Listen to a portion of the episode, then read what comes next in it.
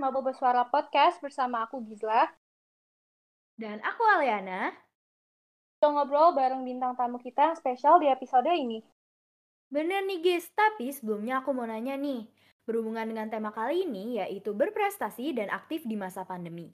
Kalau Gizal sendiri gimana sih pendapatnya kalau soal pandemi?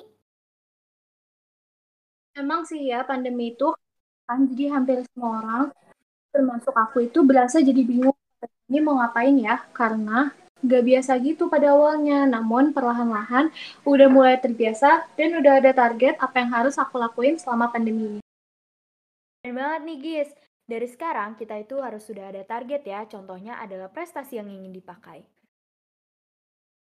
Nah, kalau soal prestasi, bintang tamu kita nih jagonya. Kalau gitu, kita langsung sambut aja ya.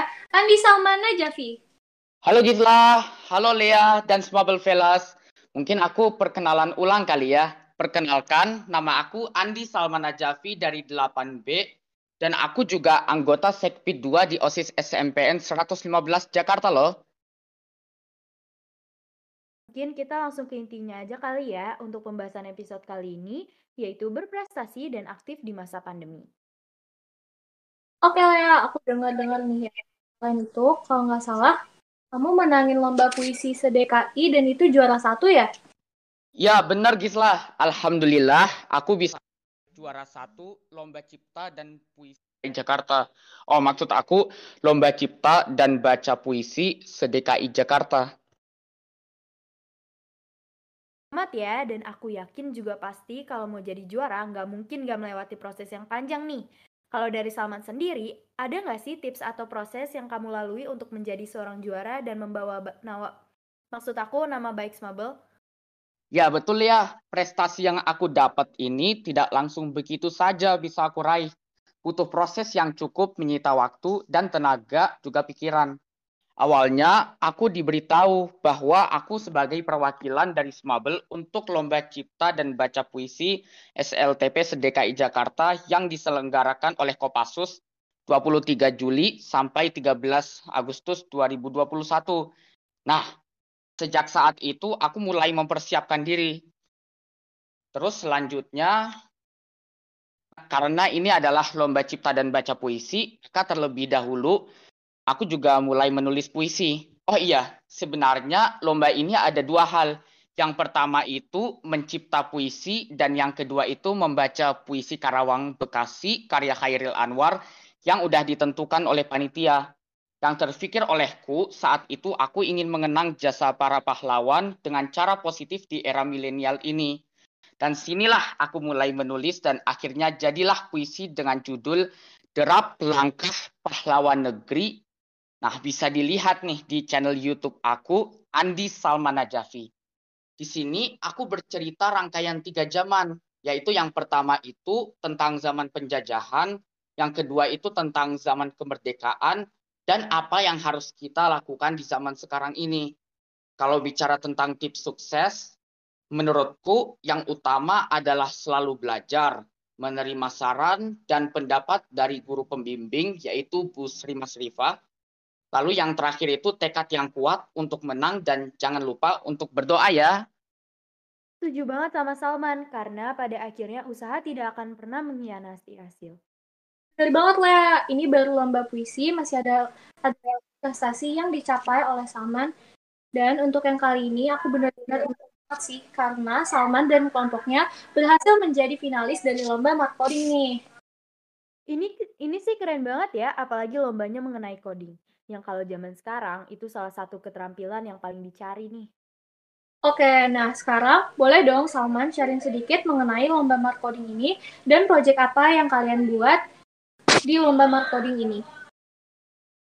Ya boleh banget dong Gisla.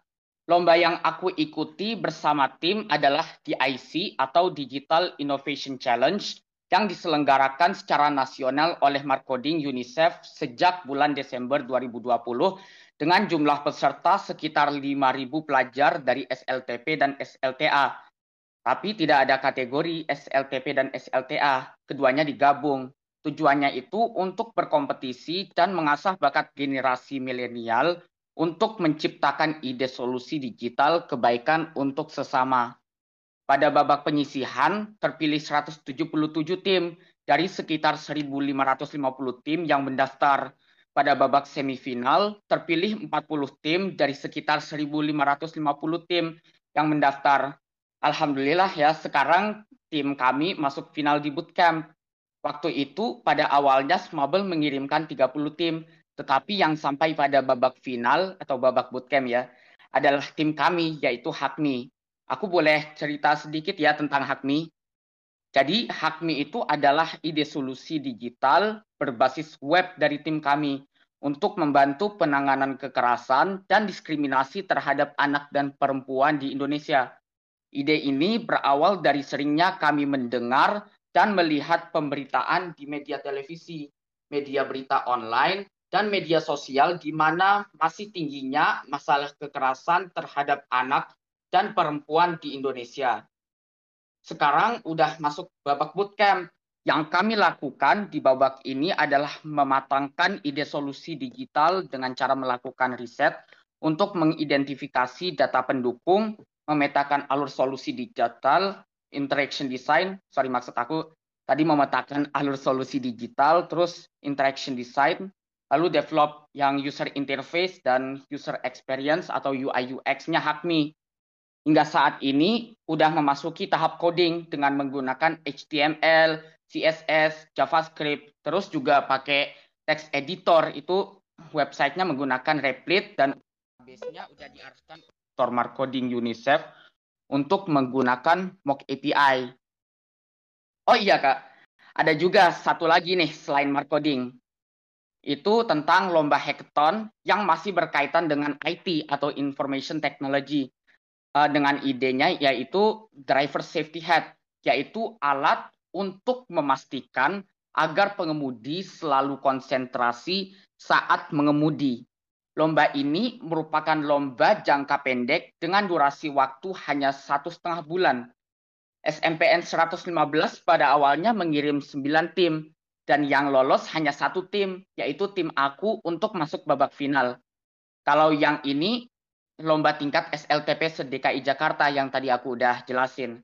Mohon doanya ya Gisla, Lea, dan teman-teman Smabel, supaya Hakmi dan Driver Safety Hat dapat meraih yang terbaik di lomba ini. Insya Allah, kami bersama tim bersemangat terus untuk mengharumkan nama Smabel.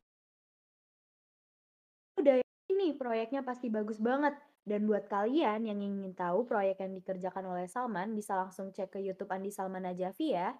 Aku sih langsung gas nonton ya, karena videonya juga menarik dan edukatif banget. Ngomong-ngomong soal coding, Salman ini juga sebagai programmer dari website Smable e-commerce loh. Keren nih bisa dijadiin contoh kalau pandemi ini nggak bisa menghalangi kita untuk aktif dan berprestasi.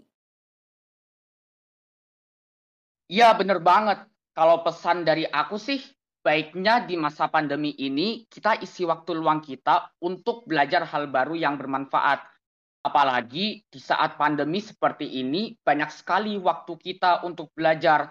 Kita bisa saving waktu yang tadinya digunakan untuk bolak-balik pergi ke sekolah, dengan melawan kemacetan bisa kita manfaatkan untuk mempelajari hal baru yang positif.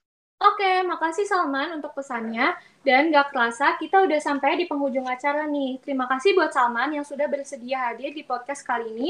Semoga dengan mendengarkan cerita Salman tadi bisa memacu semangat kita ya. Kalau gitu, aku Gizla. Dan aku Aliana. Dan aku Salman. Pamit undur diri dan sampai ketemu lagi di episode podcast Mabel Bersuara selanjutnya. Bye Mabel Fella!